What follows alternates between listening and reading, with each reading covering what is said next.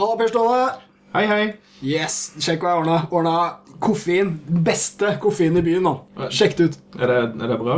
Det er dritdigg. Jeg har vært så jævlig trøtt i hele dag, men nå skal jeg faen meg Den, den klatten her, mann, det er arabisk koffein. ok? Er ikke det, er ikke det litt sånn farlig? Nei, nei, nei. nei. Dette er Det er lovlig, mann. Det er lovlig. Å, ja, men da så. Du blir dritvåken av det. Skal vi snorte Hva, Hvordan gjør vi? Vi må få den til å vare, den her, altså. Sk- Vi skyter jo jo jeg, ikke. lik- nei, og jeg liker ikke å få ting i nesen og sånn. Det er så ekkelt når Ah. du skal snyte deg. Hva hvis vi lager sånn avtrekk? Sånn derre Oppkok? Ja, ja, vi kan koke det. Avkok. Det løser seg i vann. Men faen, jeg har en maskin her borte. Den går, En egen maskin. ja, den, den er svart, og den går på, den går på strøm. Og jeg har en sånn egen kolbe. Og så Hvis du trenger å tilsette vann, og, så er det greit med filter. da. Fil har du filter? Ja. Fy faen, jævlig bra. Vi kjører på, ass. Gunners!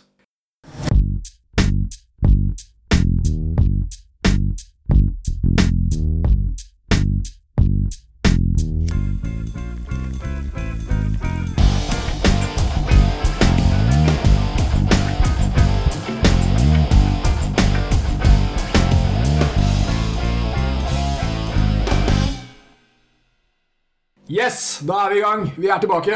Koffeinstimulert som aldri før. Ah, åh, nå er jeg klar. Haha, du verden. Ja, jeg er da Per Ståle Honning. First. Nice. Igjen. Det var eh, andre firsten. Ja, Og vis-à-vis meg sitter Buffert Fusk. Det er meg. Stimulert versjon. I dag skal vi nemlig snakke om et eh, stimulant som er lovlig. Hvor mange kan det være? Eh, Det er i hvert fall tre. Dette ble jo eh, Oi, fi oi, finalen i lovligrus-trilogien vår. Det er sant. det er sant. Så nå har vi vært gjennom eh, alkohol, kong alkohol, dronning tobakk. Dette blir vel en sånn her prins Prins Koffein. Prins Mild. Om, om, om ikke det er den forrige regenten. Eh, vi skal snakke om Ja, eh, prinsregenten. Det er, jo, det er jo tradisjon for det i eh, kongehusene. Ja, Altså, han, han, har, han har ikke den konstitusjonelle makten, men han har han er liksom et vikariat. ja, en liten vikarius. Det er definitivt det vi snakker om her. For det er, det er på en måte et rusmiddel som ikke anerkjennes som rusmiddel alltid. Eh, Vicarius Koffeinus. Aha, Perfekt eh, pavereferanse. Det er altså de andre rusmidlene, tobakk og alkohol, i hvert fall alkohol, anerkjennes som rusmiddel, men dette er selvfølgelig koffein, mine damer og herrer. Dette fantastiske rusmiddelet som vi pleier å trekke ut av en forbanna bønne som gror på mange rare trær i både Asia, Afrika og Sør-Amerika. Ja, og vi diskriminerer jo ikke mot bøndene i dette programmet her. Vi er store fans av store bønner, så eh, alle slag, kanskje ikke de religiøse. Før vi setter i gang med, med avtrekk fra ymse bønner, eh, så kanskje vi skal ta aktuellspalten vår. Aktuelt! Ja, ja. Mye som har skjedd siden Stemte sist. T er veldig bra på podkast. Har det skjedd mye siden sist, Per Ståle? Uh, ikke så jævlig mye. Det er jo òg fordi at det er Nå vet jeg ikke når lytteren kommer til å høre på dette, her, men vi er i hvert fall i fullstendig feriemodus. Og jeg har vært til seters og gjort meg eh, halvfeit. eh, og Nice. Følger ikke med. Dårlig internett på disse feriestedene som regel. Ja. Ja det er mye møkkaspraying og lite, lite internett. Øde øyer rundt om i Norge. Ja, Mer en slags øde knaus. Knaus.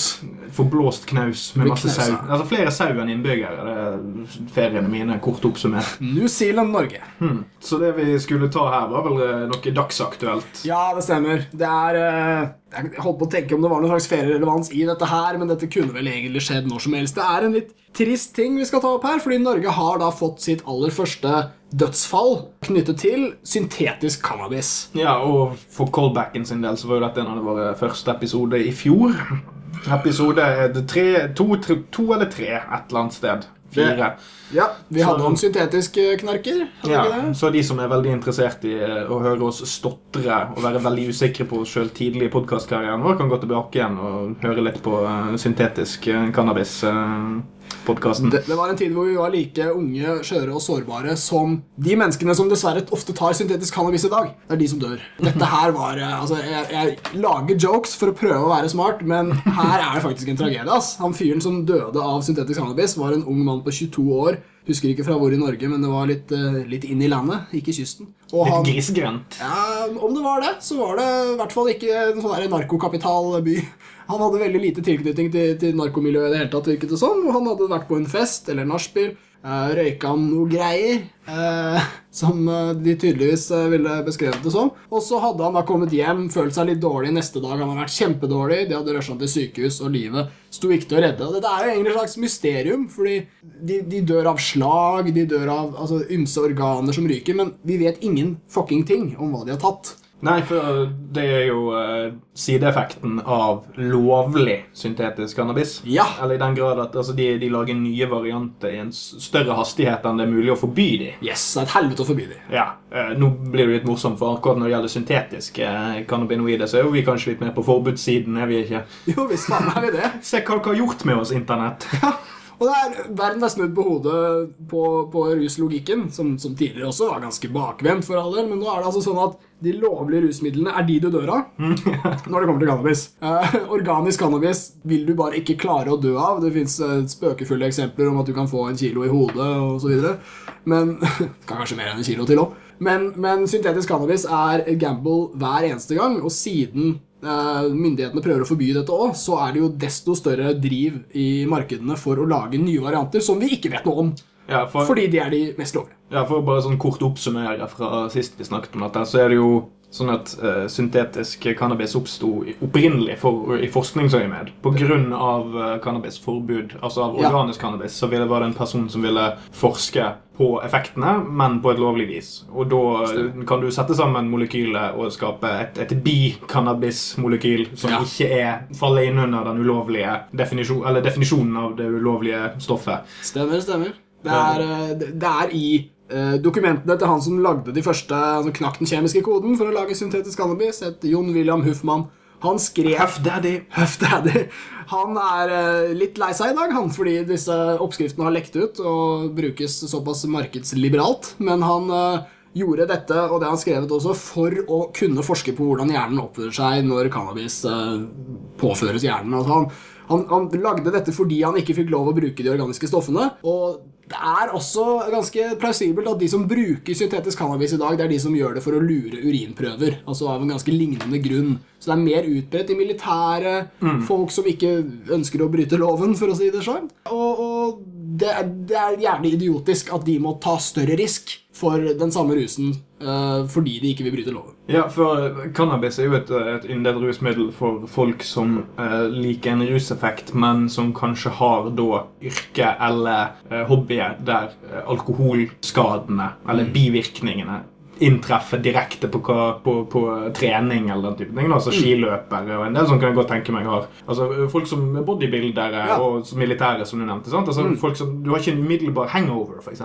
Musklene dine er ikke fucket opp etter å ha røykt uh, hasj, f.eks. Mm. Så det er jo forståelig at de gruppene kanskje kan òg være blant de første som prøver å finne et alternativt stoff, men kanskje noen eh, i hvert fall innenfor eh, idrett og en del andre steder. Hvis du er litt høyt oppe på strå, så kanskje du har litt lurere folk som skaffer deg litt lurere ting å ta. Mm, ikke sant? sant? Så, ja. Sant? Så da er det jo ofte også, ja, da blir det guttunge på fest som er de første som ryker, som regel. Ikke sant. Det blir det. Jeg, jeg, jeg, har også lyst til å si at det, er, det, ser ut til å være en sånn korrelasjon at folk som eh, at, at, syntetisk cannabis brukes mer der hvor det er lite tilgang på organisk cannabis. Mm. Men, men, jeg må passe meg litt med det nå, fordi det er noen mønstre som bryter dette her ganske mye. Det er noen deler av England hvor de har veldig mye weed, mm. hvor de har også hatt veldig mye dødsfall med syntetiske uh, cannabinoider, og det er fordi de har Eh, blant annet fordi de har opprettet masse butikker som har sysselsatt dette, altså som har satt det i system, så alle har lært seg merkevarenavn på Spice mm. og andre sånne cannabinoider, og så har de begynt å stole på dem, sånn at de faktisk har byttet ut weed med dem noen ja. ganger. Og da har dødsfallene plutselig begynt å bli mange. Ja, for Vi har jo snakket litt tidligere her om hvordan eh, folk kan være Nordmenn kanskje, men kan òg være en del eh, andre land som sliter med det samme. Hvordan eh, vi kan være veldig naive i forhold til at noe er lovlig, så tror vi at det er uskadelig. Eller i hvert fall mye mindre farlig enn ting som er ulovlig. Mm. Type sigaretter. Folk som tror at sigaretter er mindre ille enn hasj fordi at ja, men hasj er jo ulovlig.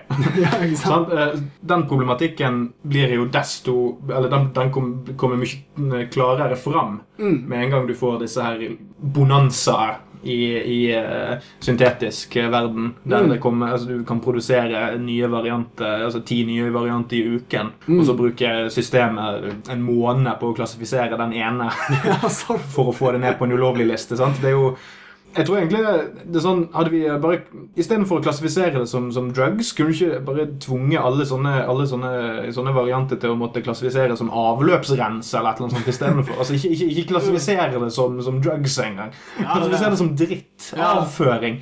I, I England så selges jo alle bare 'not for human consumption', står det på pakka. Det er bare den største ansvarsfraskrivelsen noensinne. Selvfølgelig kommer folk til å banke i seg. Jeg har veldig lyst til å si én ting, selv om det blir jævla nøl, da. Om forskjellen på syntetisk og organisk cannabis. Og det er at Cannabis eh, som vokser organisk, den eh, utvikler stoffet veldig gradvis. Så den, den lager ofte en, et, har en viss grad av balanse mellom virkestoffene som er i seg. Altså det er Noen av cannabinoidene er jo angstdempende, andre er sterkt angstfremkallende. De har veldig forskjellige kvaliteter, men i en plante så, så vokser de fram i et organisk samspill, og da vil det aldri være en veldig tung overvekt av noen av dem. De vil alltid stort sett være i en balanse. Syntetiske rusmidler er aldri i balanse. De er bare ett molekyl ganger 100 milliarder. Og det gjelder også de syntetiske. Så liksom, syntetisk cannabis er sånn ekstremhasj. Det er sånn helt sinnssykt rart for hjernen din å røyke. Og så er det organisk som hjernen din på en eller annen måte er ekstremt forberedt på. eh, har ekstremt bra mulighet til å håndtere. Så alt som har med syntetisk cannabis å gjøre, er bare drit. Og, det er veldig det skinner bare gjennom et sterkt argument for reguleringen av sunn organisk cannabis. Vi kan ikke ha en narkopolitikk hvor det å følge loven gjør at du dør fortere. Vi kan ha, heller ikke ha en eh, lov hvor det å velge det minst farlige alternativet gir deg straff. Begge disse sannhetene er helt jævlige og, og er reelle i dag. Så det må være mulig å ta litt grann offentlig ansvar når en ung mann på 22 år som knapt har knarka hele sitt liv, dør av et cannabispreparat. Denne unge mannen skulle som alle andre 22-åringer ikke ha dødd ved å røyke helt vanlig, tørr, kjip norsk organisk hasj. Det er sånn det har vært i årtier. Men vi kan jo ikke nødvendigvis altså, Hvordan kan vi eh, argumentere på en logisk, rasjonell måte for at det for, direkte er forbudet sin feil? Man, man har jo fremdeles altså, altså, Da må vi jo på en måte påvise hvor stor prosentdel av befolkningen som dør av dette. her. Og Da lurer jeg på om du kan ta, på etanol, nei, metanoldødsfallene og folk som ble blinde av det og smuglervarer ja, for 10-15 år siden. sant?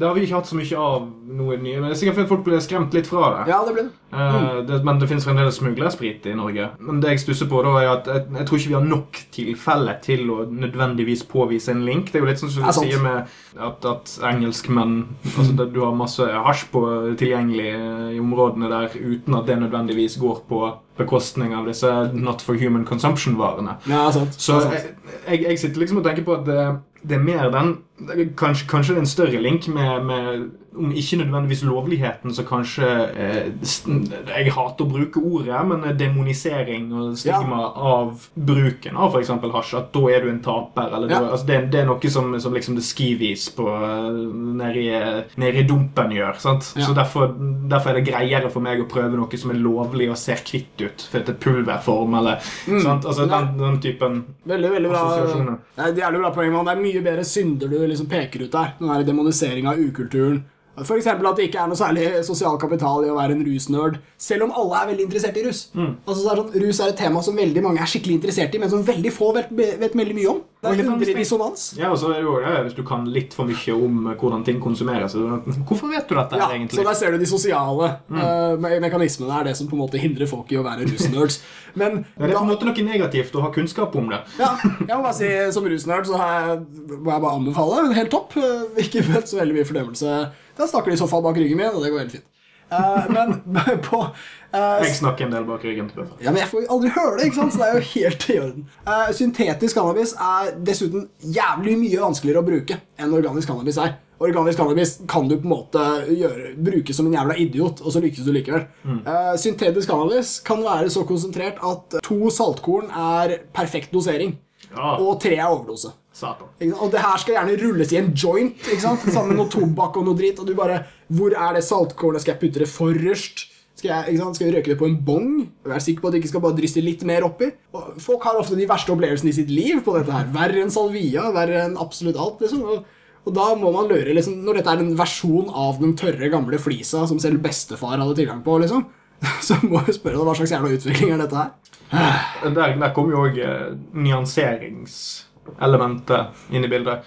Hvordan uh, cannabis som, som Eller cannabinoide i effekt med resten av planten, hvordan det kan ha en vilt uh, forskjellig utslagsgivende effekt. Altså at de klarer ikke å syntetisere den rusen. Det stemmer. Eksakt. Det er bare en, det er en, av, det er en avart av rusopplevelsen. Ja. Det er en mer reinspikket versjon kanskje du kan treffe på. Altså det, det stimulerer enkelte deler av hjernen å, kjøre det på i, i full guffe, men det er bare den du mangler det, den organiske komponenten på et eller annet slags vis, så du ikke har klart helt Og dette er ikke en sånn her eh, gå og klemme tre i skogen-delen av meg som snakker, men det er sånn man har ikke kartlagt nok av cannabisplanten til å Ja, ja. til å klare å syntetisere det korrekt, og kanskje Helt- man ikke klarer det heller. Helt korrekt, men det er også et problem med, med eh, patentering av medisin. For da er syntetisk medisin kjempeenkel og kjempeoversiktlig, og hele systemet er egentlig bygget på det. Men organisk medisin er veldig vanskelig å gjøre syntetisk, og gjøre den like god. Det fins tusen eksempler. Et annet er å tygge kokablader hvis du er i Andesfjellene mot høydesyke. Så gjør det, det er også stimulert, og du, og du gjør pulinga bedre, og alle i lokalet snakker om det her. Men de Ja, Kokaplanten er jo jævlig mild i forhold til hva kokain Ja, eh, det er veldig lite kokain eh, i den effekten der. Men uh, likevel, når de prøver å lage syntetiske høydesykepiller av kokablader, så lykkes de ikke. Så folk fortsetter å tygge disse tradisjonelle vondtsmakende æsj-æsj-bladene. Uh, fordi det bare rett og slett funker bedre. Så syntetisk medisin, sykt bra for markedet. Veldig enkelt. Uh, effektmessig, tja. Organisk medisin, effektmessig, ofte spennende. På markedet, gjerne bullshit. Naturfolk og, og vås. Så der har du overlappen. For å bare legge, legge en sånn kommentar til dette med smak av kokablader og sånn. Vi er jo da kommet fra en nasjon der brunosten blir trukket fram som en slags nasjonalskatt. Og det er jo ikke så jævlig mange av de nye landsmennene som syns at det er den største stasen de har hatt i kjeften. Nei, og det er eh, kaviar på tube og liksom Nei, nei vi, er, vi er fucked. Jeg, jeg innser det. Men uh, igjen, uh, vi har altså en narkotikapolitikk hvor uh, unge lovlydige mennesker, hvis de ønsker å forholde seg lovlydig, så ender de opp med å ta så store risker som dessverre også tok livet av en ung mann i forrige, for noen uker siden. Så uh, Aksel Blånen Sterri, som er Ja, en eh, Shout-out til han som eh, som faktisk tar tak i dette på en brei plattform. fortjener en shout-out. Broren Sterre skriver masse godt i Dagbladet om dagen, og han har også skrevet om dette at dette er et uttrykk for en dårlig narkotikapolitikk. En som rett og slett uh, skader mer enn den uh, sparer, tror jeg vi sier. Koster mer enn det smaker, det der. Ja, det er det. Det er det jeg skal sagt. Som sagt. Cornelis Vresvik sa i sin tid. Smaker ikke mer enn det koster, da. Han drakk sikkert mye kaffe. Jeg ser for meg det. Ja. Med en liten knert oppi. ja. Pjolters. Åh, yes. Men da har vi overgang. I like to do drugs. I like to have drugs. I like to hold a cigarette full of grass in my hand until one morning. Ypperlig. Det er eh, herlig å være superstimulert av koffein og skulle snakke om koffein. Det er som om jeg er et medium for koffeinet. At det taler gjennom meg. Ta tungen min er tatt som gissel av koffeinet. Føler jeg nå. Hva syns du om det? Ja, altså Altså, om menneskeheten bare er utviklet for at koffein skal ha, ha en bærer som uh, Kanskje hele menneskeheten, ja. Kanskje det. Jeg er tilbøyelig til å tro det. Jeg og koffeinen, my boy, som eh, jeg er skikkelig venn med nå helt fram til jeg krasjer på den. Da kommer jeg til å bli litt sur på den. ja, som, en, som en åpning her. Ja. For vi må jo egentlig begynne med, med kaffe og så ta, ta koffeindiskusjonen litt derifra. Det stemmer. Så jeg kan bare åpne litt med, med tanken om at jeg er en jævlig dårlig kaffedrikker. Mm. Jeg drikker dritmye kaffe når jeg først drikker kaffe. Nå er du flink til å drikke mye, da. Ja, men, men jeg, eh, jeg drikker ikke kaffe hver dag. Men hvis jeg drikker kaffe, så drikker jeg en, minst en halv liter til frokost. Ja. Og kanskje jeg drikker to kopper til, eh, til lunsj. Og da må jeg nesten opprettholde det med to kopper til ettermid ettermiddagen en gang. Men det høres ut som du er flink. Nei, jeg drikker bare altså, og det er sånn, Hvis det er sånn kaffebesøk et eller annet sted, da bare drikker jeg til det er tomt. Huh. Altså, Jeg slutter ikke å drikke det. Hardcore. Uavhengig av hvor sterk eller svak kaffen er. Så bare jeg, Har jeg en tom kopp, så må jeg ha noe nytt oppi. og det er lagt merke til at det er litt samme måten jeg drikker øl på. Ja. Bare at jeg ikke jeg drikker meg ikke for sans og samling, men jeg, liksom, jeg er nødt til å ha noe i hånden. Og det kan også sikkert være litt det samme som med sigarettrykking. Må nesten ha noe i hånden hvis jeg Ja. først er i modus. Ja, jeg tror det er mange sånne ting, og så er det godt med noe varmt å drikke. Altså, jeg drikker mye varm drikke. Altså, jeg byt- bytta ut litt kaffe med te. Samme mengde kopper. Jeg, jeg kunne er- sikkert like gjerne drukket te, men med kaffe så er det litt mer ugne bieffekter. Ikke kom her og si det er like mye koffein i te, for det er faen meg myte. Eh, men det er koffein i mange andre ting også. Eh, energidrikker er jo et sånn åpenbart eksempel. Selv om Vi skal tilbake til dette poenget her, men det er faktisk ikke så mye koffein i dem som mange tror. I ikke i Um, Norge. I Norge, selvfølgelig. Strenge og på berget. Eh, men vi har også andre typer nøtter. Be betelnøtt, tror jeg den heter. I hvert fall på engelsk er det betelnøtt. Som inneholder masse koffein, som de bruker i masse sånne der, eh, ecstasy-piller osv. Hvor de skal liksom tynne det med noe billig. Og apropos piller, så har vi jo også koffeinpiller. Så vi alle stjal i bestemors skap eh, da vi var eh, unge og sykt eh, eksperimenterende. Er dette et godt tidspunkt for anekdoten om koffeinpiller? Ja, veldig gjerne. Men før du kjører på, så vil jeg, kom jeg bare på at vi hadde en lytter som Ja. uh, skjøt inn en gang at han likte bedre å spise koffeinpiller enn å drikke kaffe.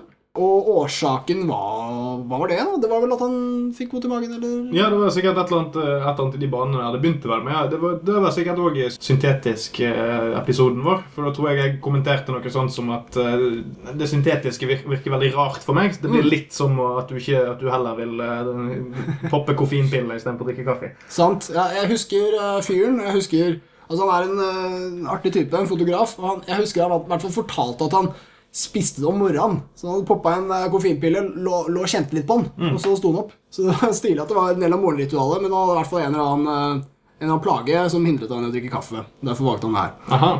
Eh, så koffeinpiller er altså utbredt. Det er jo veldig lite som skiller effekten fra annen kaffe, bortsett fra at du kanskje ikke får så mye vondt i magen og sånn. Men jeg skjønte sånn at du også hadde en eller annen kompis som Ja. var ram på dette her. Ja. Dette var jo i ungdomstiden, la oss si det sånn. da. Eh, så hadde jeg en kompis, eller en kompisgjeng. Eh, og der var det, Dette var før skoledagene var over, så det var litt sånn begrensninger på hvor mye andre rusmidler du fikk tak i. og sånn, altså Ja. Du kunne drikke og sånn, men det var jo ikke alltid rom for det på skole og til hverdags. og den type ting. Det var noen kompiser av meg som fikk tak i en, en drøss med koffeinpiller som gikk og knipset på uh, tide og utide. Jeg tror det var en sånn her eh, slags eh, skikkelig skikkelig sånn Kmart-versjon av Scarface. De prøvde å kjøre der og bare ha et fjell med koffeinpiller foran seg og briske seg med det. da. Eh, men altså, jeg, jeg, Nå er jeg usikker på mengde her, men bare, og jeg er usikker på konsentrasjonen i disse pillene. Ja. Men jeg tror det var noe sånt som at en av de kompisene som ikke var så veldig på dette her pillepoppingen, han prøvde en gang. Han heiv i seg fem stykk. Og så syntes han ikke det var noe effekt. Og han er egentlig veldig forsiktig. Ja. Så han hev i seg jeg tror antallet bikket 20, så det Wow. koffeinpiller. Ja, det kan godt hende at de var svake, altså, så, vi, Ja, så men la oss bare anta at det var antallet. Det var i hvert fall dritmye. Eh, og så etter en stund begynte han å riste og kaldsvette. så til de grader. Eh, så det ble jævla mye styre, da. Sånn prøve å få han ut av eh, kjellerleiligheten og eh, ut i en bil og kjøre til legevakten og sånn uten at noen voksne, ansvarlige mennesker la merke til dette her, da. Så hadde han sittet på venterommet og bare skammet seg så jævlig. Han satt og ristet og kaldsvettet ute på venterommet på legevakten og bare sånn Nei, faen, dette, dette, dette er ikke kult. Jeg kan ikke, jeg kan ikke gå inn der og være en sånn jævla idiot si at jeg har spist så masse koffeinpiller. Sånn tvang kompisene mine til å bare ta med hjem igjen. Han nek- han nektet å bli konfrontert med idiotien sin, så han ville heller bare ri det ut alene. Og det gikk bra med han. Ja, det gikk, ikke det gikk greit, men han var litt sånn shell-shocked en periode etterpå. Ja, visst. Det er jævlig bra. Altså, verdt å nevne her når det er snakk om en såpass eh, overdose, som selvfølgelig er mulig, spesielt med piller, eh, er at når koffein er et eh, mildt stimulant, så, sånn at det er det veldig brukbart. Du kan kjøre bil på det, du kan gjøre masse rart. Men, men stimulanter er knyttet til angst også. Og hvis du tar veldig mye koffein, så kan du få jævla mye angst. Så Ja. kan du få like mye angst som du ville fått om du hadde rusa på med amfetamin eller noe annet sterkt stimulant. Så øh, det har nok kompisen din forklart å smake på. Den der ordentlig gode, skjelvende 'nå dør jeg'-angsten som kan vare i døgn. Men den er fysisk, først og fremst. Ja. For den er ikke da psykologisk. Så da Altså, den Fysisk stress kan jo føre til psykisk stress, selvfølgelig. Men dette er jo da først og fremst en psykologi Nei, en, en, en fysisk reaksjon han har hatt. Så den, den angsten han kjente på når han, når han begynte å få noia etterpå, kan jo være mer informert av det fysiske enn av det psykiske. Ja, det kan være. Det kan være. for, for, for veldig mange andre så er det jo helst psykologiske ting som så manifesterer seg fysisk seinere. Ja. Som har bygd seg opp over tid. Så der kommer vi litt inn igjen den, eh, den, eh, den syntetiske syntetiske stoffet sin evne til å stresse deg noe jævlig. Eller, eller, Ja. eller treffe rett inn i en et eller annet slags senter du egentlig ikke pleier å åpne. ja. At du Oi, shit, nå har jeg plutselig angst. Og så er vi tilbake på dette med, med balanse i organiske og syntetiske rusmidler. Og de syntetiske de kan rocke deg mye hardere pga. dette. De er skarpere i den forstand. Men uh, vi skal videre. Vi tar eh, Hva skal vi ta? Norge uten kaffe er lik fucked, har jeg notert. Uh, Norge drikker jævlig mye kaffe. Norge forstår vel egentlig ikke kaffe som noe særlig av et rusmiddel heller. Nei. Og da bruker jeg bedehusene og sånn som referanse. Altså Hvis det er noe som er gammel dameknark, bortsett fra selvfølgelig alle medisinene de tar, så er Valium!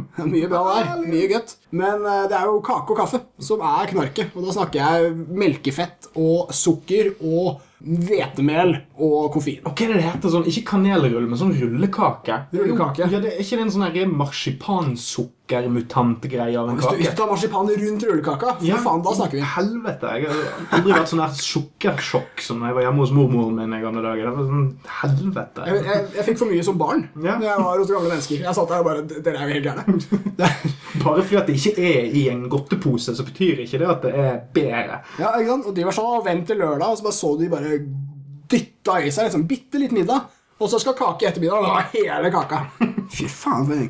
Men det er igjen, når folk klarer å bli gamle, når folk klarer å bli over 80 år, så fortjener de kake. Fortjener de kake hver jævla dag. Så det, det er ikke noe gærent i det. Men eh, det rustekniske undervurderes. Eh, Det er særlig morsomt med disse bedehusene, kanskje, hvor altså, kaffe er en veldig naturlig ingrediens. Jeg tror ikke det er noe særpreget norsk, men i hvert fall her, da. Vi er, det er et røft klima. Det er tre, ting, tre ting man skal ruse seg på på et bedehus. Det er sukker, det er koffein og det er Jesus. Og Jesusen, da. vet du. Ja, ja. Noe, no orgel-jams.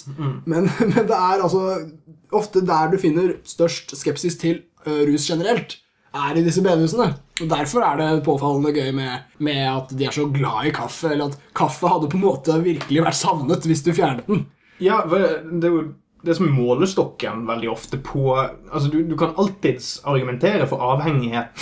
Dersom du sier Altså, jeg har ikke et problem med dette, jeg kan slutte når jeg vil, men hvis vi sier at du aldri får lov Ja, og jeg er sånn, ja, men jeg spiser sjokolade i ny og ne, det går helt fint. Jeg ikke avhengig. Jeg tenker nesten ikke på sjokolade. Men hvis noen hadde kommet og sagt nå får du aldri spise sjokolade mer, ja aldri, så hadde jeg begynt å få litt sånn Ja, eh, det- Kanskje jeg hadde hatt lyst til å gå ned og kjøpe litt svartebørssjokolade. ja. ja. Jeg tror jeg hadde gjort. Jeg tror, jeg tror jeg hadde hatt såpass sjokoladebehov. Jævlig bra poeng. Kanskje ikke i dag, kanskje ikke i morgen, men i år, kanskje. Jævlig bra poeng. Jeg kjenner anklageren snur med en gang. «Å, aldri? Hvem faen er du? Hvem faen Skal jeg aldri spise sjokolade mer? Ja, og der, der kom, Den kan du jo snu litt. da altså Hvis du, hvis du treffer et veldig vel, ekstremt avholdsmenneske, sånn type bedehusmiljø, Sørlandet, ish, så er det jo det å snu det på. Altså, hvis du aldri fikk lov til å drikke kaffe igjen Skulle til å si det. Ja, altså, altså En ting er å aldri begynne med å drikke kaffe. Det er det veldig mange som klarer helt fint. Mm. Det trenger ikke stimuleres på koffein i det hele tatt gjennom hele livet. Ja. Men, men hvis jeg hadde kommet til en sånn middelaldrende eh, tensing Nei, ikke ekstensing,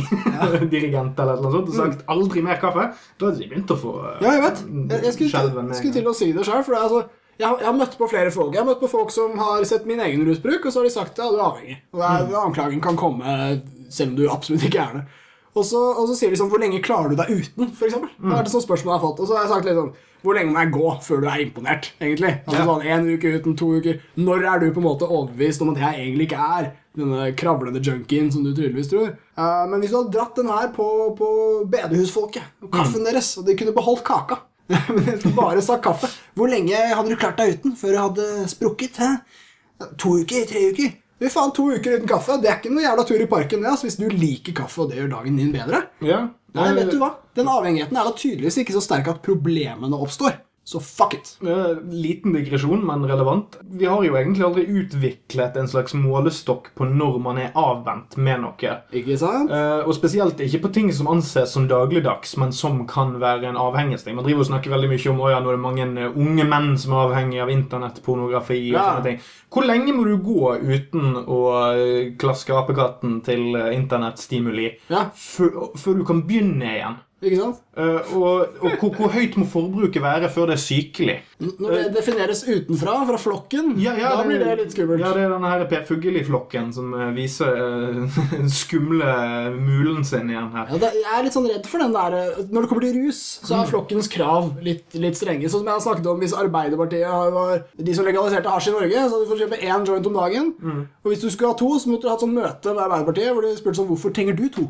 Alle andre klarer seg med én. Og dette er eh, det, det, ja, Jeg tror ikke det kollektive rusmoralsystemet har, har noe særlig for seg. Ja, vi- sånn generelt. Vi burde bare kjenne oss selv. Det er vi ikke til til de lave, altså lavtkostende rusinntaket. Mm. Koffein stiller litt mer sær- særegenhet i forhold til sukker, f.eks. For, eksempel. Mm. for sukker kan du argumentere ut ifra en helseeffekt, altså, altså at du blir feit og sånn. Og det er som regel der vi baserer rusdiskusjonene våre på her til lands òg. Det er òg ut ifra denne folkehelseperspektivet. Denne ja. egalitære sosialdemokratiske arven vi har med at ja, ja, men alle betaler inn til statskassen, så det du henter ut med negative effekter. Det er vårt alles, det er flokkens anliggende. Ja, ja, ja. Så Derfor er det ikke blandet så mye inn i lovlige ting, for det knytter vi ikke nødvendigvis så veldig stort skadeomfang til, i hvert fall i forhold til, Mm. eh, til koffein og en del andre fetende ting. da. Ja, og dette er en bra parallell, fordi vi er jo eh, Samfunnet elsker jo produktivitet. Vi har, vi har tidligere vært inne på arbeiderbevegelsens uh, bånd med avholdsbevegelsen, og da var det jo stort sett snakk om at folk må, må komme seg på arbeid. Ikke sant? Det er jævla viktig. Dere som er på samlebåndet, er så viktig. Dere må i hvert fall ikke drikke. Sjefen kan ta seg en konjakk, men ikke dere. Når det kommer til koffein, så vil jo mye av denne problemstillingen være snudd for arbeiderbevegelsen. Eh, Hvis, la oss si Nei, det hadde jo selvfølgelig ikke de borgerlige funnet på heller, men, men hvis noen begynte å gjøre kaffen til en fiende, så tror jeg mange arbeidere ville vært de som stelte seg i bresjen for Nei, vet du hva, dette er fint. Det er topp med kaffe. Ja, men hvis vi tar og ser for oss eh, det bedagelige framtidssamfunnet, da. Altså når, når, når vi har fått eh, seks timers arbeidsdag, og eh, avindustrialiseringen er totalt komplett. Alt har blitt outsourcet til Asia, og vi bare sitter her og spiser honning av krukken og har det fett, liksom. Da kunne du jo plutselig begynt å sette på, sett på koffein som et, en, et problem, da. Ja, det stemmer. For man har jo, man har jo eksempel introverte har jo, begynt, har, jo, har jo et stort problem med det offentlige eller, i- eller i arbeidslivet. Sant? Folk, folk som er ekstroverte, de drikker gjerne mye kaffe. Altså folk, folk som er veldig sånn Se på meg! Mm. Vi to ekstroverte, for eksempel. Vi har en podkast på internett og sånn. Hør på oss. Hør! Men introverte de blir jo da trykket litt ned av ekstroverte. Selv om de kan sitte og ha veldig mye egenskaper og kunnskap som er veldig nyttig i et arbeidsliv. Og de ville vært spesielt viktige i et bedagelig, rolig fremtidssamfunn. Yes. Og da kunne vi kanskje begynt å snakke om ja, men alle dere som går rundt her og styrter nedpå med stimulante stimulanter tidlig på dagen, bare sånn at du kan komme og herse med meg på arbeidsplassen, og sjefe meg rundt Ja. og stresse meg opp med alt maset ditt. Når vi kunne gjort ting så jævlig mye mer effektivt hvis vi bare tok oss en chill-pill og tok, snakket rolig og fint ja. sammen. På tide å roe seg ned. Ja, Jævla På tide å innføre firetimersdagen og jobbe som faen. ja, og da, da tror jeg vi kan, eh, vi kan eh, snu litt på koffeinblisen. der. Det er sikkert en del introverte som ville Ja. tatt seg en tenkepause og tenkt ja, men eh, jeg er ikke så interessert i den bønnen her. Det er en bra parallell. altså Spøk til side. Det er, eh, samfunnet elsker stimulanter, er jeg, er jeg liksom glad i å si. Men det jeg mener da, er at de elsker stimulanteffekt. For stimulanten er vanskelig å bruke. Vi, vi hadde trolig gitt uh, amfetamin til arbeidere i større grad hvis det hadde noe for seg. Hvis det var liksom bærekraftig. Men det er fordi at vi har et samfunn hvor produksjon er veldig verdsatt, og, og, og med god grunn. Men vi kunne likså godt ha endt opp med et slags bedagelig, som du snakket om, eh, eh, ligge i hengekøya hele dagen-samfunn. Det har jo mye å gjøre med at vi bor i nord, vi tar ikke siesta, klimaet krever ikke at vi gjør det. Masse sånne ting. Så, så egentlig kunne det hende at vi var eh, Altså, stimulanter, et annet navn på det er uppers. Og det er det vi liker fordi vi produserer, men vi kunne likså godt endt opp i en verden hvor downers var det feteste. Hvor du var litt vel hissig, kompis. Kanskje slappa av litt, sånn som resten av oss. Og jeg liker veldig godt det der eksempelet med, med introverte som, som liksom undertrykkes av ekstrovertheten i, den, eh, i, i det produserende samfunnet. Fordi, sorry ass, du er litt sånn, du er litt sånn inneslutta, du, men vi skal skape så jævlig mye her, så det er viktig at vi brøler til hverandre på pauserommet. eh, fordi vi er så sykt gira på å bare produsere hele tiden. Flink pike på ungdomsskolen eh, er som regel den gode, gode eksempelet på en introvert. Ja. Den, den, flinke, stille jenten som får sekser i alle fag. Men- det er de som lider under koffeinhelvete. Ja, vet du, og de er gode folk. Ja. Det er faen meg idealer i samfunnet. Ingen som, ingen som har mer respekt altså, får mer respekt fra alle andre enn bare den stille, snille piken. Ja, vet får- du hva, snill pike eller gutt, for den saks skyld, Ja. i klasserommet, still grå mus, kall det hva du vil. Altså, altså, Pike her er et eh, opphøyd begrep. Det er sant. det er sant. Det er representativt for oss alle. Ja, det er fremdeles. Vi har alle vært snill pike. Eh, veldig korte perioder av livet, noen av oss, men fortsatt. Og eh, de, de, er, de burde kanskje hatt litt vern. Jeg syns faktisk det. Jeg syns de er idealer. jeg. Jeg syns samfunnet godt kunne vært styrt av disse folka. Så, så la oss ikke undertrykke de med, med stimulansen vår. Norge uten kaffe er fucked. Eh, er, apropos dystopisk framtidsscenario. Vi hadde jo, la oss si vi våknet opp i Norge en dag, og kaffen var bare borte. Vi hadde jo alle vært veldig forstoppa. Vi hadde selvfølgelig forsovet oss eh, en del. Eh, Vi hadde hatt eh, problemer med at vi hadde hatt mangel på antioksidanter, som nordmenn får i veldig stor grad av kaffeinntaket sitt. Nordmenn er også blant de som drikker mest kaffe i verden, har jeg tenkt å Ja, Der har vi jo atter en gang blitt utklassert av finnene. Fy fader, ass. Disse finnene slår oss på sånn mørk, mørk dritt. Ja. Si det? Har de flere selvmord? Ja, har de slått oss der òg? Ja, men jeg tror, ikke, jeg tror ikke Norge har så mange selvmord som vi tror. Jeg tror Nei, faktisk, jeg tror faktisk USA ligger over oss på selvmordsstatistikken. Jeg har aldri sett den statistikken. Jeg tror, jeg tror faktisk vi ligger, altså sånn Vi og Japan ligger Jeg tror Japan Ja, Japan er jo høyt. Jo, men jeg, vet ikke om Japan ligger så høyt, egentlig, i forhold til Altså, det er sånn, det er sånn jeg, jeg, tror, jeg, tror det, jeg tror det er mer eh, omfanget Altså, jeg skal ikke eh, uttale meg for bastant, men Norge har ikke så sinnssykt mange selvmord i forhold til en del andre sammenlignbare land. Tror jeg. Takket være kaffeforbruket. Eh, Jeg tror, jeg tror det er mer det at det er mer ty det er kanskje enkelte demografier som er mer utsatt. Altså, så det kan godt hende at sånn gjennomsnittet selvmord Greit. Ja. Likt som en del andre. Kanskje vi har litt flere unge menn enn en del andre land har. Yes. Ja, det er sant. Men her har jeg faktisk også uh, juksa litt, som uh, Ingrid Espelid Håvik aldri sa. Eh, er, eh, jeg har kikket på, på hvor mye kaffe man drikker, og hvordan denne rangeringa ligger an. På førsteplass er det Finland, som drikker da 2, nesten 7 kopper kaffe per innbygger per dag. Norge er da rundt to, som også er veldig mye. to kopper, Men rett bak oss har vi Nederland på sånn 1,8 kopper. Så det er nærmere ned til treeren enn det er opp til finnene på eneren. Så, så vi, vi må bare alle ta, ta i et tak. Ikke, ikke like mye? Hva da? Ikke like mye opp og like Nei. Nei. Nei, nei, nei, nei jeg hørte langt feil. ifra. Hørte feil. Nei, disse finnene er nesten på tre kopper dagen, altså. Mm. Så, så der ble vi Men de drikker mer sprit, da. Så det, vi trenger vel å dempe fylleangsten i litt større grad. Ja, det er mulig. Bare sånn for å la nasjonalfordommene spille inn som en eh, utrolig anekdotisk bevisføring. Å, ja, ja. Og vi, grunnen til at jeg føler meg litt sånn snytt på det, det er bare det at vi var, Norge var på, på topp veldig lenge. Akkurat den der. Ikke engang dette lot finnene oss beholde. Nei, faen, kommer de med, med Nokiaen og billig sprit, og så er det... Ja, men Det er bedre til er finnene enn er svenskene. Ja, det er det alltid. Ja. Det er Alltid bedre. Danskene driter vi liksom litt i, men så lenge det ikke er svenskene Ja, det gir faen. Men nå begynner finnene å bli litt for opphissende her, så jeg tenker at det er bra for eh, liksom det nordiske samarbeidet at eh, de ikke slår oss i så altfor masse ting i altfor lang tid framover. Syns det begynner å lukte litt svenskarem. Ja, men ja, vi skal, eh, vi skal også ta for oss at eh, Norge er ikke bare veldig veldig glad i å drikke mye kaffe, men vi har også ganske bra kaffe. Vi har uh, en god del kaffefetisjisme i dette landet her. Og det er, det er sikkert grunner til at det er så utbredt. Altså For det første så har vi høy kvalitet på kaffen. Selv dårlig kaffe i Norge har, er slett ikke verst i internasjonal målestokk. Men dessuten så er jo dette et rusmiddel Det er det. Uh, som du kan kjøre bil på. Som, du, som er veldig sånn det, Som vi snakket om, så er det godt å ha noe varmt å drikke. Det er, det er 100 årsaker til å ikke si nei til kaffe.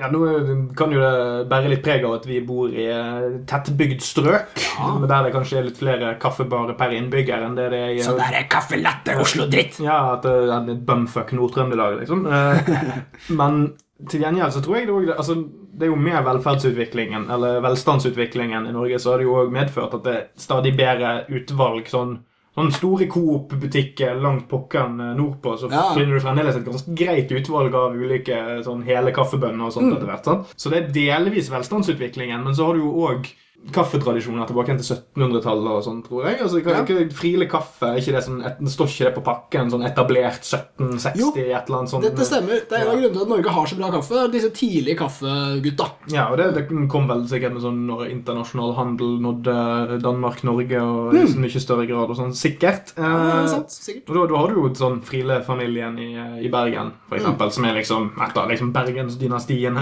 Ja, ja. Du har eh, Herman Friele som går, går på disse sånn reklame de- Husker du de her sånn, nesten, De føltes de varte i 20 minutter. Ja, det var de det. Ja, ja, dritlang. Sånn der, å ja, reklamepausen for en reklamepause. Herman Friele drar til sånn Ecuador eller et eller Står og annet. rister masse hender og bare gnir kaffebønner og Se her, Ja, god dag, du. Jeg representerer gammelkolonialismen. Nå skal vi uh, se litt på disse deilige bønnene. Mm. Jeg jeg skjønte faen ikke hva jeg så på. jeg, Altså, jeg så de greiene der. Gamle pimpen fra Hordaland som reiser rundt i verden og bare «Ah, gode bønder. Det var jo stor kontrovers der òg, at de her, de her eh, plukkerne som var på disse kaffefarmene rundt omkring, de fikk jo finere klær til å ha på seg når de filmet reklamene. Så det var liksom, de, de smilte og var glad, så kan godt hende de var velfødde, men de gikk sikkert i mye dårligere klær enn det Gjeng med bøffere. Ja, ja. Bøffere, ass. Ja, det var jo produksjonsselskapet og Friele sjøl som hadde Ah. gjort visstnok, eller et eller annet sånt, så det var uh, mye feilinformasjon ute og går her. Det var noen bøffer i rekkene, i hvert fall. Ja. Faen. Åh, shit. Men, men jo, eh, norsk kaffefetisjisme er tilbake. Altså, vi, jeg, jeg kan ikke veldig mye om kaffe, men jeg vet det at det fins mørkbrent, og så fins det lysbrent. Og, og mørkbrent er eh, Det er lett å kunne få Hvis du har dårlige kaffebønner, så kan du forkle det med mørkbrenning, som da er å brenne den litt lenger. Eh, mens lysbrenning er kortere, og da skinner det da gjennom uh, mer av kvaliteten på kaffen. Og Grunnen til at jeg i det hele tatt vet om dette, her er fordi jeg leste da et kort intervju med en norsk key som heter Tim Wendelboe. Han Det er jo òg bra at når du skal være nordmann som er god på kaffe, så heter du et eller annet sånn skikkelig, skikkelig importert ut. Ja, det er importert. Ja. Er, er det litt tysk? Hva, hva sier vi om Et eller annet. Eller en av disse her gamle Einar Wendelboer. ja, Sikkert sånn her eh, Å ja, vi ble kjeppjaget ut av uh, gammel adel fra Frankrike som måtte unngå giljotinen, eller noe sånt. Oh. Ja, kanskje Eller Nederland, et eller annet sånt. Ja, det kan være noen nederlend belgier oppi der. Ja. Et eller annet. Ja, Du ble sikkert kasta ut av landet for å være dusj, i hvert fall. Fordi jeg har hørt av eh, mer enn én kilde at Tim Mendelboe er kjent for å være dusj. Og med dusj mener jeg eh, sær, eh, sosialt ubehagelig person og sånt. Men vis meg gjerne en person som er jævlig flink på én ting som ikke er veldig douchey Ja. akkurat den ene tingen han er jævlig god på. Eller hun. Det er det absolutt. Det er egentlig det som er poenget. Altså, hvordan kan du bli så jævlig proff på noe som han er, uten å være litt dusj? Skal, skal Tim Mendelboe gå rundt og si Å, se på den drittkaffen du drikker. Verdens billigste skrapt opp på gulvet på kaffeplantasje. Den er sikkert grei, den. liksom. Nei, nei. Han skal selvfølgelig disse den ekle møkkakaffen din, for det fins jo en verden som er bedre, som han vet om, som han skal fortelle oss om. Ja, Klassikeren er jo den Eivind Hellstrøm som driver Å, hvorfor spiser folk Grandiosa? Nei, for Ja. at vi ikke Ja, vi, vi, er ikke, vi er ikke like gode på kjøkkenet som du er. Det er dritbra parallell. da ja. Altså fordi det er så likhet med Hellstrøm så tror jeg Vendebo av og til kanskje overvurderer behovene uh, og mulighetene folk ofte har til å bruke mye tid på dette her. Ja, ja, altså, sånn, jeg, jeg kan godt være altså, sånn, ikke spesielt kaffeinteressert. Mm. Så setter jeg jo pris på en god kopp kaffe. Ja. Så jeg kan godt liksom se nytteverdien av å kunne jævlig mye om akkurat eh, hva slags nette små barnehender fra den dal, det dalføret i Sierra Leone som har plukket akkurat den uh, veldig fine eksbarnesoldatkaffen der. der. Men sånn ut ifra hvor mye jeg er villig til å betale for jævlig god kaffe i forhold til hva jeg trenger å få ut av kaffe. Altså Du kan ha to målere. Altså Jeg har lyst på effekt, og så har jeg lyst på kvalitet. Ja. Så jekkes jo den kvaliteten ned på akkurat det nivået der prisen i forhold til effekt Ja. det ja. inn. Så derfor blir det Friele trakterkaffe. Sant? Altså, jeg, driter, jeg gidder ikke å bruke tid og krefter på det. Akkurat, akkurat det samme når jeg går og kjøper en Grandis. Det er sånn, Jeg kan sitte og lage jævlig fin spagetti som jeg har bygd opp helt fra bunnen av, og liksom nyte et måltid, og sånn, men det tar relativt mye lengre tid i forhold til de ti minuttene jeg måtte hive den inn på varmluft, eller et eller annet sånt dritt, så da gjør jeg det. Ja, yes. Så enkelt er det. Det er ikke, det er ikke det at jeg ikke skjønner at det, det finnes bedre ting. Det er ikke sånn at du ikke vet at den verden finnes. Nei. Fordi det er, det er akkurat som med Hellstrøm og sånn. Ja, ja, det er jævlig fint med sånne langkokt femtimers mat hver jævla dag. Men jeg, så lenge jeg ikke spiser den jævla Grandisen hver dag, så er ikke problemet så stort heller. Jeg vet om verden, og det kan jeg ha sagt til Tim Wendelboe òg, Takket være deres innsats, herr Wendelboe, så vet jeg om denne fantastisk, utrolig detaljerte kaffeverdenen som finnes. Men jeg kommer faen ikke til å gå på der kaffesjappa di på Grünerløkka hver dag og kjøpe en jævla espresso for 50 spenn. Ja, La oss huske denne samtalen om eh, 20 år når vi har legalisert alle rusmidler her til, land og, her, her til lands, og eh, alle går og eh, fremdeles skyter dritt og Åh. røyker dritt og Ja, popper dårlige emmer på eh, dårlige raves. Da har vi da cannabisens Tim Wendelboe, en eller annen fyr som åpner et like sært sted, og ingen kommer. Ja. Eh, på en måte. Kafé Buffer de Fusk. Ja, oui, oui. Jeg- Kanskje for ryktet rykte Han er veldig dusjete, han som driver det. Altfor monomant opptatt av dette produktet sitt. Men eh, han, det går så vidt han klarer å betale husleie. Det hadde jo vært målet. Nå er jo Vendelbo en suksess, da, så hvis han kunne inspirert til noe weed-greier, så hadde jo det vært topp. Jeg har en kompis som bo, eh, i hvert fall har bodd i Barcelona, som er en ganske stor by, har jeg hørt. Men der har de altså ganske ræva kaffe. I hele Spania, visstnok. Så han hadde vært på den ene kaffesjappa som hadde rykte for seg for å være veldig god. Og da fikk han med en gang han kom inn eh, beskjed om at du, hvis du er fra Norge, så, så er vi nervøse med en gang for at du ikke vil like kaffen vår. Årsaken var Tim Vendelbo. Eh, han er fra Norge. Da, Tim Vendelbo for den kollektive bar baristastanden i Spania til å skjelve i, Ja, som det, kastanjette. det virker som hans internasjonale stjerne er dritsvær. Altså, han, han, han rocker eh, De skjelver i buksene når Vendelbo kommer inn på kafeene deres. Det liker jeg. Det er noe tøft med det. Håper de har en sånn Vendelbo-alarm som de har, har, har under desken. Så når han kommer inn døren, så trykker de på en sånn silent alarm trigger. Det er, det er nok en ting som legitimerer dusjenes. Fordi altså, når du kommer inn der, så De kommer ikke til å hate deg for hver dusj. Så du kan jo på en eller annen måte bare være det. Øh, Det er derfor jeg ikke er dusj. Fordi jeg er pissredd for hva folk syns. Øh, Ellers hadde jeg vært det. La oss gå videre. Apropos, når du, du nevnte i stad dyr kaffe. Fordi i Vendelbo, i Vendelboland så, så blir det jo ikke billig. Nei, så nå, kan nå skal vi inn på Nå dyrekaffe. skal vi snakke om dyrekaffe, det skal jeg love deg. Ah, det var jo denne bønna her, da, som kommer ut av rumpa på et dyr. Ah, det er altså verdens dyreste kaffe, som jeg da ikke har navnet på kaffemerket, fordi makan, den reklamen trenger de bare ikke å få av oss. Eh, Det er altså en bønne som spises eh, rå, og eh, bæsjes ut av en slags katt. Og når den bæsjes ut Det er et slags mårdyr eller et eller annet sånt. Jeg tror ikke det er en katt. Det er et slags kattelignende dyr. Det står, altså Desmerkatten kaller de denne dyret på norsk. Uh, civet cat heter det ofte på engelsk. Men det som er greia, er jo det at eh, den spiser en rå bønne. Når den kommer ut, så er den da fermentert, eller i hvert fall delvis bearbeidet på en måte som har gjort den god. Så vi assosierer uh, avføring med dårlige ting. Her er det bra ting. Her gjør det fine ting. Dritbra. Dritbra. Holy shit, etc. Jeg, eh, jeg har smakt en øl som er lagd av disse kaffebønnene, som het uh, Mikeller Beer Brunch eh, Weasel. Beer Breakfast Weasel. I hvert fall Weasel. Og den var jævlig fucking god, og jeg ble veldig forvirret av det hele. Ja, men, eh, men da vet man ikke. altså, Med mindre man har virkelig virkelig peiling på disse tingene, så vet man jo ikke om den ølen var god av den bønnen eller på tross av den. Mm, nei, var- Sånn, så det blir, blir veldig mye sånne sammenfall. Ja, det blir det. Og jeg må bare si, når jeg sier god, eh, den smakte helt unikt. Jeg har aldri smakt noe lignende, og den var ganske chill. Så de to sammen unik, kjempegod. Men verdt penga, tja. Ja, men den er jo på en måte anerkjent som kaffebønnen. Ja, ja. Altså av eh, folk som har peiling, har jeg hørt. ja visst. Ja, for det, det, der går litt tilbake igjen på det vi startet med, med kaffefetisjisering. da. Ja. Altså den der, oh, nei, men jeg skal ha denne bønnen. Og det når, du- når du er ferdig med jordsmonn, når du er ferdig med plante, når du er ferdig med hvilke land den kommer fra, Mm. nei, da, da er det tarm, tarmkanalen den har gått gjennom som begynner å bli viktig. Mm. Da kommer du ned på sånt detaljnivå. Ja, er det den tarmkanalen? Det er en langt dårligere Det er sant? Du går, går sånn etter lands og til vanns og i bæsjen med, liksom. Den typen Ja. Hvilket enzym har det i fordøyelsen, dette dyret?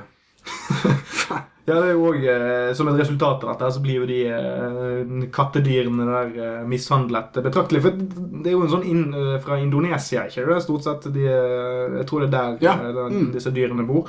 Og det er jo ikke nødvendigvis den delen av verden som er flinkest på dyrevelferd heller. Så hvis du, hvis du tror at vi har mye piss med pelsdyrfarm her til lands, så kan du bare ta en liten kikk ned på en, en kaffebønne-bæsjefarm i Indonesia og skue inn i avgrunn. Ja, jeg, det er ikke bare dyra heller. Dyre mennesker ble også litt plaga der om dagen. Jeg beklager en liten brå avsporing der, altså, men jeg leste Det husker jeg faktisk ikke om det var Indonesia eller Filippinene. for det er så jævla nærme hverandre Men uh, dødsstraff for onanering. La oss smake litt på denne her. Bare Faen i helvete, folkens. Nå får vi roe ned, altså. Det er jo islamen da, vet du, som har gravd seg inn i Indonesia? Ja, det mener det var de. Hvis ikke var det Filippinene. Dødsstraff for masturbasjon. Kjære menneskehet, det her kan vi ikke leve med. altså. Nå ble jeg satt ut. Ja, Beklager, men det er i hvert fall ikke bare dyra som, som har litt eh, kjipe Hvor mange tusen ganger kunne jeg blitt dømt i samme rettssak? lurer jeg på? Er det sånn, Hva hvis du har avstått hele livet, og så tar du én runk, og så er du verdig dødsstraff? Ja, for det er som regel den, den, den første er vel den du er minst eh, stealthy på òg. Så det første er jo ikke særlig bra. Nei, det er den som, ja, det er, også- det, det, den, som, den som er lettest å bli bustet på, tror jeg. For du har ikke, du har ikke, for den? ja, du har ikke, du har ikke, du har ikke rutinen innebygd. sant? Du har ikke låst døren eller sjekket om huset er tomt. Eller... Nei, jeg blir bare lei meg. Vi vi må tilbake til kaffe. Så ja, dårlig kår for weasels og mennesker i Indonesia. Jeg hadde lyst til å ta En annen ting som kommer fra, fra Asia, er jo Red Bull. Ja. Eh, Det er eh, opprinnelig thailandsk, eh, så vidt jeg vet. Det er faktisk en østerriksk reklamemann som lagde Red Bull etter at han var i, på Asiareise og tenkte med den rare hjernen sin på en eller annen måte at dette ville selge. Så han gjorde en avtale hvor han tok seg av markedsføringen. Så lagde de produktet, og så delte de profitten. Og i dag er det verdt mange mange milliarder og et av verdens best uh, gjenkjennbare varemerker. Ja, det var jo uh, kontrovers det når uh, han her fyllekjørekuken ble sponset av Red Bull. Ja visst. Jeg bare kaller han det fordi jeg ikke kommer på navnet hans akkurat nå. Jeg Ja. tenker at vi heller bør bare kalle han Tro, fyllekjørekuken. trodde vi bare ikke skulle name-droppe det. Den det Coop uh, Ja. Ja, Ja. han. Ja, men ble jo mye styr innenfor Ski-Norge når han fikk det som independent. Ja, eh, og da var det noe sånn rusdiss også. Det var Noen som hinta om at det er ikke bra for barn. Og det var liksom sånn, Hvorfor er ikke Red Bull bra for barn, egentlig? Nei, og så kunne du begynne å ta en lang diskusjon om han var godt eller om han burde være et forbilde for barn. Ja, klassiker. sånn. Forbildedebatten. Men eh, det var i hvert fall der vi Det var vel da sist eh, Red Bull var oppe i offentlig debatt i Norge, tror jeg. Ja. Og alle media vet hvor gira og flinke de er med reklame, og sånt, så de vil jo ikke nevne det. ikke sant? Det Ja, men vi Buffett er jo av den generasjonen som vokste opp når eh, Red Bull var ulovlig i Norge. Ja, ja. Det var det første du gjorde når du kom på danskebåten. Hell Altså, så var å løpe rett til taxfree-en ja, Red Bull! Jeg skal ha 1000 brett! Kjøpte Kjøpt Bull». jævla konsentrat, som egentlig ikke var så konsentrert, men det bare smakte som suppe. Ja, og så bare drakk du sånn fire liter på en kveld eller et eller annet sånt, og så bare woo, spant du rundt på teppene. Mennesket har ikke naturlig rusbehov, nei. Nei, nei, men, men eh, apropos fetisjisering, så var det jo det, det som det endte opp med. Sant? Alle liksom, når du var 14, bare, jeg var i utlandet og vi kjøpte så jævlig mye Red Bull, og så tok du med Red Bull på skolen og delte det ut i friminutt. Og så. Ja, det er sant. Men det er, det er bra, nå, nå får jeg jo med meg det andre jeg hadde tenkt å nevne. Fordi i Norge så er Red Bullen svakere enn i andre land. Og dette er jo fordi Norge er strenge. Jeg føler at det kanskje er noe vi har nevnt før. Men eh, jeg har snust opp det at i Norge så har vi da en veldig streng grense på tilsatt koffein. Eh, og dette omfatter da ikke kaffe, fordi kaffe er jo Det er det, har det i seg naturlig. Aha, det ville jo vært litt morsomt hvis vi fikk eh, lovlig cannabis. Ja. For da vil ikke nødvendig, altså, Du kan ikke ha tilsatt cannabis til noe, men Tilsatt THC-grensen. Og den hadde vært streng. Det hadde ikke blitt noen sterke sjokolader Nei. eh, med THC i Norge. Men det her, hør på denne forskjellen. Altså, Øvre grense for tilsatt koffein i Norge er 150 milligram per liter. Mm. Og, og dette er altså når, Det er verdt å nevne her at dødelig dose på koffein, som ingen stort sett klarer å komme seg opp til, den er mellom 3 og 20 gram. Så det er da 3000 til 20 000 milligram. Mm. Vi, I Norge får du da ikke lov å tilsette mer enn 150 mg per liter væske. Så i en Red Bull-boks så blir jo det her fryktelig lite. En Red Bull-boks i Norge inneholder rundt 32 mg koffein, og det tilsvarer eh, omtrent halvparten av en kopp espresso-kaffe. Ja, og så er det også, altså, Boksen du kjøper, er jo sånn 03-bokser 03 ja. som regel. Du kan kjøpe det halvliter òg, men eh, det er jo mer for de som er skikkelig avansert i avhengigheten. De, de tøffeste tøffe. Men, jo, De med capsen bak fram. men hør på grensa øvrig i Europa. og dette er, altså Norge er faktisk unike her, for både Sverige, Danmark, Finland alle andre har denne europeiske EU-grensa, som er 320 mg per liter. Så det er Ja, så- over dobbelt så mye. Så i Norge er vi såpass strenge at vi tillater under halvparten av hva Europa gjør når det kommer til tilsatt koffein. Og det er stilig i og med at vi ofte drikker mer eh, kaffe enn resten av Europa.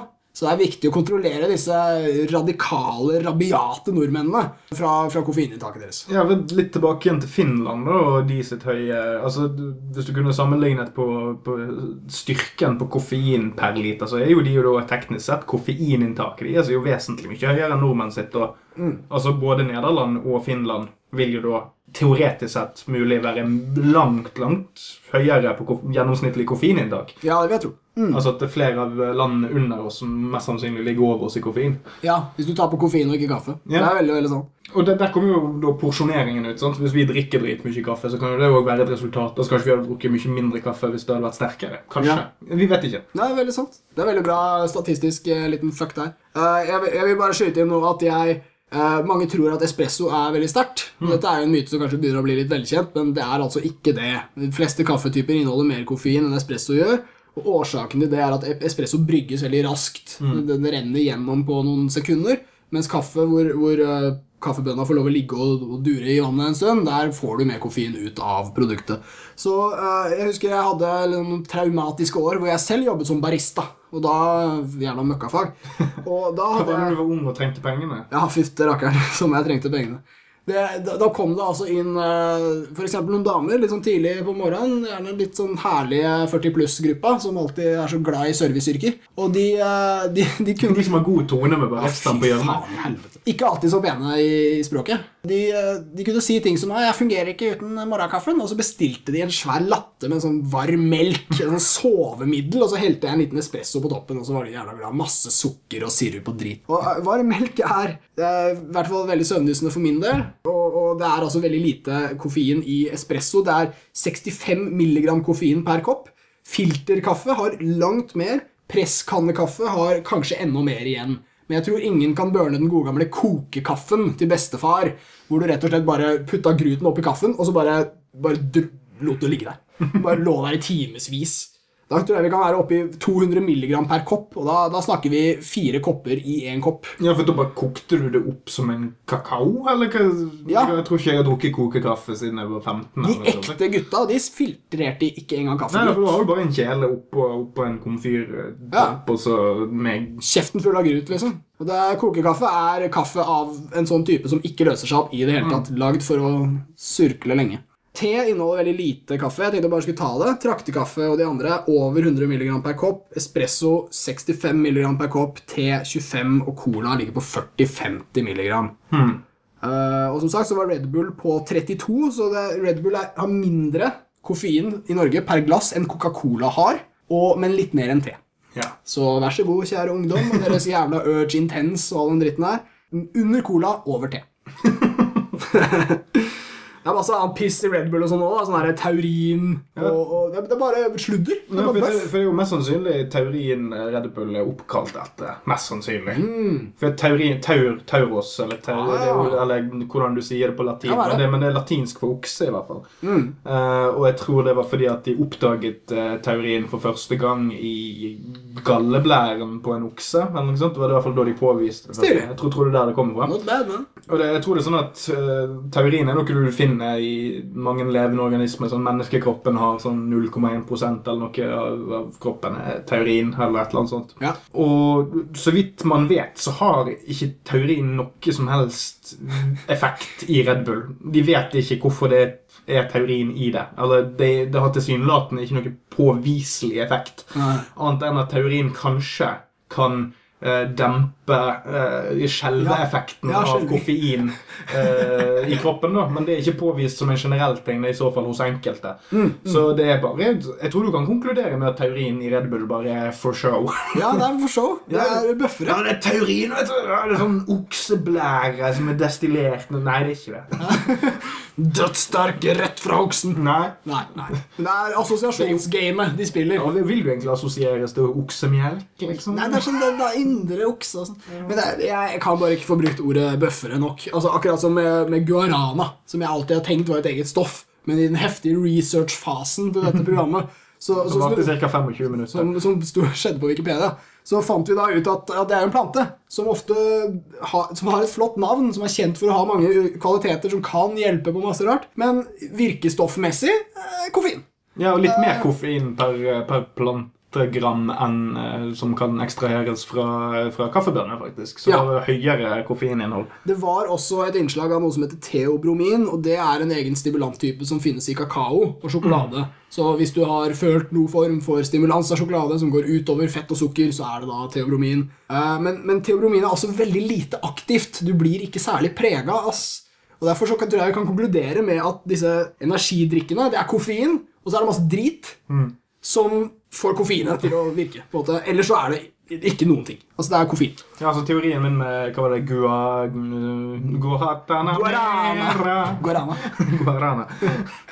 Uh, Guantánamo. ja, min lille pet theory i utgangspunktet var jo det at å ja, du bare bruker en annen koffeinkilde i Red Bullen din. For at det, kanskje de hadde det mer tilgjengelig i Thailand, jeg vet ikke jeg. Eh, men uansett så får du en annen koffeinkilde, sånn at det, det blir litt mer spesi. sant? Så, Ja. så har, du, har du noe annet som høres litt mer sånn fancy ut, eh, men så er det egentlig bare en kilde på koffein.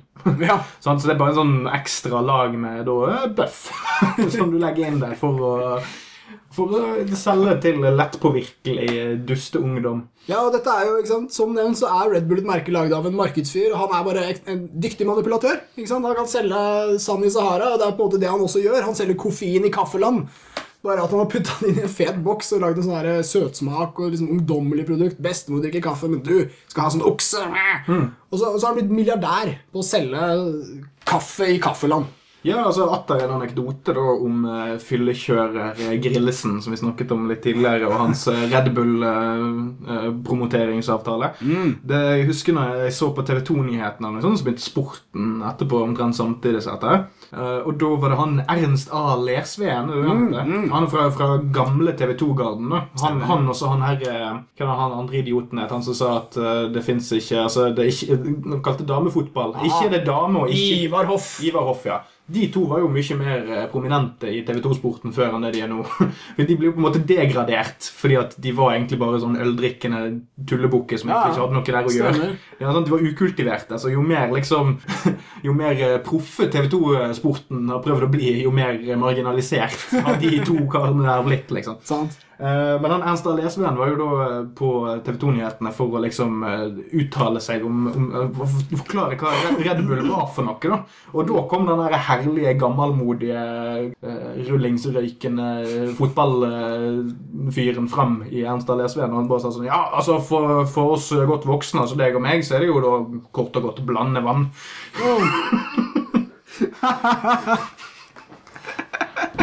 Jævlig bra. Jeg synes det var litt harry når jeg satt og så på det, men det var jo også jævlig ærlig. Ja, det var det. Så, sånn For voksne folk som har vokst opp et sted, liksom sånn Hadde vokst opp uten alt dette dritet, så ja, det er blandevann. Ikke det er ikke godt for noe annet. Akkurat som kaffen, vet du. Du blir en litt annen fyll. Du blir litt sånn ivrig og gira. Og for folk som ikke snorter stimulantene sine, så kan du liksom drikke dem når du er på fylla.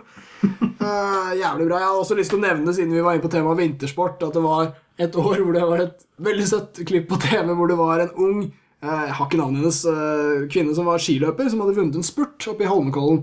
Og da hadde hun fått av treneren sin rett før Altså, koffein er jo lovlig, by the way, i, i idrettskonkurranser. Det fins en, eh, en snittgrense som kan måles med urin. Og Går du over den, så får du problemer, men det er ikke som å bruke et forbudt stoff. Så Hun hadde fått av treneren sin før løpet en blanding av kald kaffe og Coca-Cola. Som hun hadde da dytta nedpå, styrta, og så hadde hun løpt som en jævel og vunnet. Og når hun kom i mål, så var hun veldig ivrig, og så fortalte hun jo da at det brygget var jo helt fantastisk. Hun fortalte, det første hun sa til media, var liksom Åh, kald kaffe og cola, dritbra, da vinner du spurten. Og så så du måte i ansiktet hennes mens hun fortalte at oi, det, faen må ta tone den her litt. Fordi det handler kanskje ikke om hvilken miks som er best. Det handler kanskje om at jeg er best. Ja. Ikke snakk om at du satt på høydehus! hus. sånn Ikke snakk om at idrettsfolka bruker alle midler de kan bruke, og veldig mange av dem er veldig på kanten. Ikke snakk om astma! Nei, ikke snakk om at alle norske idrettsutøvere på Olympiatoppen har fått astma etter at de begynte på Olympiatoppen. La oss ikke snakke om det. Kanskje det er kanskje noe i veggene på Olympiatoppen? Asbest eller noe sånt. Og hvis noen lurer på hvorfor vi er sinte på Olympiatoppen og Antidoping Norge, i hvert fall personlig, så må jeg si at det er fordi de er ruskløner numero uno. Nå vurderer de, etter at en leder i Idretts-Norge drakk seg for full på et jævla arrangement, så vurderes det nå om alle idrettsutøvere i Norge skal pålegges alkoholforbud. Du må være avholdsmann for å drive med idrett i Norge. Applaus fra Bøffert Fusk for en gjeng med jævla ruskløner dere er oppe på Sognsvann. Dere fortjener ikke lønningene deres. Ah, Sånn. Er vi kanskje på tide med litt avrusning? Avrusning! Hva har vi lært i dag? You know, I learned something today. Jeg har lært at uh, stimulans slett ikke verst. Det føles fortsatt bra. Jeg har ikke krasja ennå. Eh, men det kommer en nedtur, og jeg gruer meg. Ja, det, er jo der koffeinen kom inn som en eh, veldig fin eh, liten venn. For det at, pga. på grunn av måten vi bruker det på i Norge i dag, så trenger du aldri å krasje. Nei. det er veldig tilgjengelig. Ja, ja det, du tar en liten kopp til morgenen, tar en liten kopp om ettermiddagen. Så sånn, får du ikke sove eh, sånn etter klokken tolv og sånn, når du er litt trøtt når du våkner fordi at du ikke fikk sove, så kan du ta deg en kopp kaffe, liksom. Det er ikke så verst å være koffeinmarkis. Du kan på en måte besøke bestemor, kan få fiksen din der òg. Ja, men altså, sånn, ja, selv, selv, når, eh, altså, selv når kaffen har holdt deg våken om natten, så kan kaffen hjelpe deg med å komme i gang om morgenen. Ja, kaffe og sigg. En sånn evighetssirkel. vi har gående her. Kaffe og sigg, arbeiderknark. I hvert fall hvis du nyter sterkt og tidlig på morgenen. Da føler jeg deg skikkelig arbeider. Ja, og, og denne igjen da, tilbake igjen til leirbålstendensen vi har med så mange ting vi gjør eh, i det moderne samfunnet. Det er kaffepause på jobben. At man kaller det kaffepause. Det er det det er. Før så kalte man det røyke, røyk og kaffepause. Ja. Fem minutter røyk og kaffe. Men nå er det bare fem minutter kaffe. Før kalte man det baksnakke kjerringa. Nei, Nei. Nei, de kalte ikke noe før det, for det var røyk og kaffe som bygde samfunnet. For helvete. Ja, før det så hadde man bare hor og vold. Ja, horepause. Men jo, øh, hvis, øh, hvis jeg skal ha et eller annet øh, final word, så må det jo bli at altså, koffein er et ganske bra stimulant. Jeg synes det er et vellykket rusmiddel. Det har ikke så veldig store kostnader i forhold til hva vi får ut av det. Jeg har ikke klart å påvise noen store helse, negative helseeffekter. Ikke så mange positive heller, sånn i regnskapet. Nei, koffein er, eh, er anerkjent som, eh, som, som en eh, trygg substans. Andre stimulanter er veldig problematiske i, i bruksform fordi de er uh, altfor sterke. Syntetiske spesielt, veldig vanskelig å dosere. Hvis du for eksempel skal kjøre bil på amfetamin, så vil du ha store problemer med å treffe dosa. Eh, andre kjente stimulanter er type kokain og sånne ting også. Det vi snakker om, er veldig ofte en veldig brå stimulans som er veldig intens, og som, som avtar etter tid, og som derfor er liksom vanskelig å håndtere. Eh, koffein er et stimulant som lurer kroppen din til å eh, Ikke tvinger, men lurer kroppen din til å produsere adrenalin. Sånn at du, du piker etter eh, 5-20 minutter etter at du har drukket eh, koffeinet ditt, og så er du da våken med en halveringstid på rundt fire timer. Og etter det så blir du litt trøtt. Du blir mindre trøtt enn du ble våken. Og for meg er dette regnestykket en tydelig indikator på at dette er et bra rusmiddel. Ja, Som en uh, kommentar fra min side helt, sånn, helt til slutt, så jeg vil bare anse ka Kaffen er på en måte snillebroren til lillebroren til sigaretten. Det, det er veldig lik ruseffekt. Sånn, Den koster lite. Ja. Det, det koster lite å ta den, og så koster det veldig lite umiddelbart. Med, med sigaretter så har man jo som sagt eh, kreft og kols og en del ting, men det kommer gjerne om 10-15-20-30 år. Men eh, med, med, med koffein og kaffe da spesielt, så er det sånn veldig mildt, veldig greit. altså Med mindre du overforbruker den eh, bønnebaserte eh, filterkaffevarianten, så det sånn det skal jævlig mye til å fucke opp et, eh, et kaffemisbruk. Ja, det er veldig, veldig sant. Sant? Vi lykkes med kaffe. vi klarer å lykkes med kaffe. Til, tilpasset arbeidslivet, og det, det, veldig, det krasjer veldig lite med andre ting. Så Derfor er det på en måte så har kanskje menneskeheten blitt, eh, blitt et slags virkemiddel for kaffen til å reprodusere. Ja, ikke sant? Vi er bare mediumer. Yeah. Uh, men jeg må bare hatten av til kaffen når vi sitter og analyserer disse jævla rusfaktorene våre her, så, så kan det hende vi er negative, men det er altså veldig få rusmidler som kan skryte av en sånn track record som koffein har. Fører til stort sett gode ting. De fleste som tar det, lykkes, selv om det er jævlig mange som tar det. Topp rusmiddel. Jeg hadde lyst til å ta med at eh, betegnelsen som USAs Food and Drug Administration, altså FDA, bruker for trygge substanser. Dette er jævlig kult, fordi ingen substanser er 100% trygge. Vi vet jo det her, ikke sant? Vi vet at vi ikke vet. Men det er da generally recognized as safe, er betegnelsen som koffein får av, av FDA.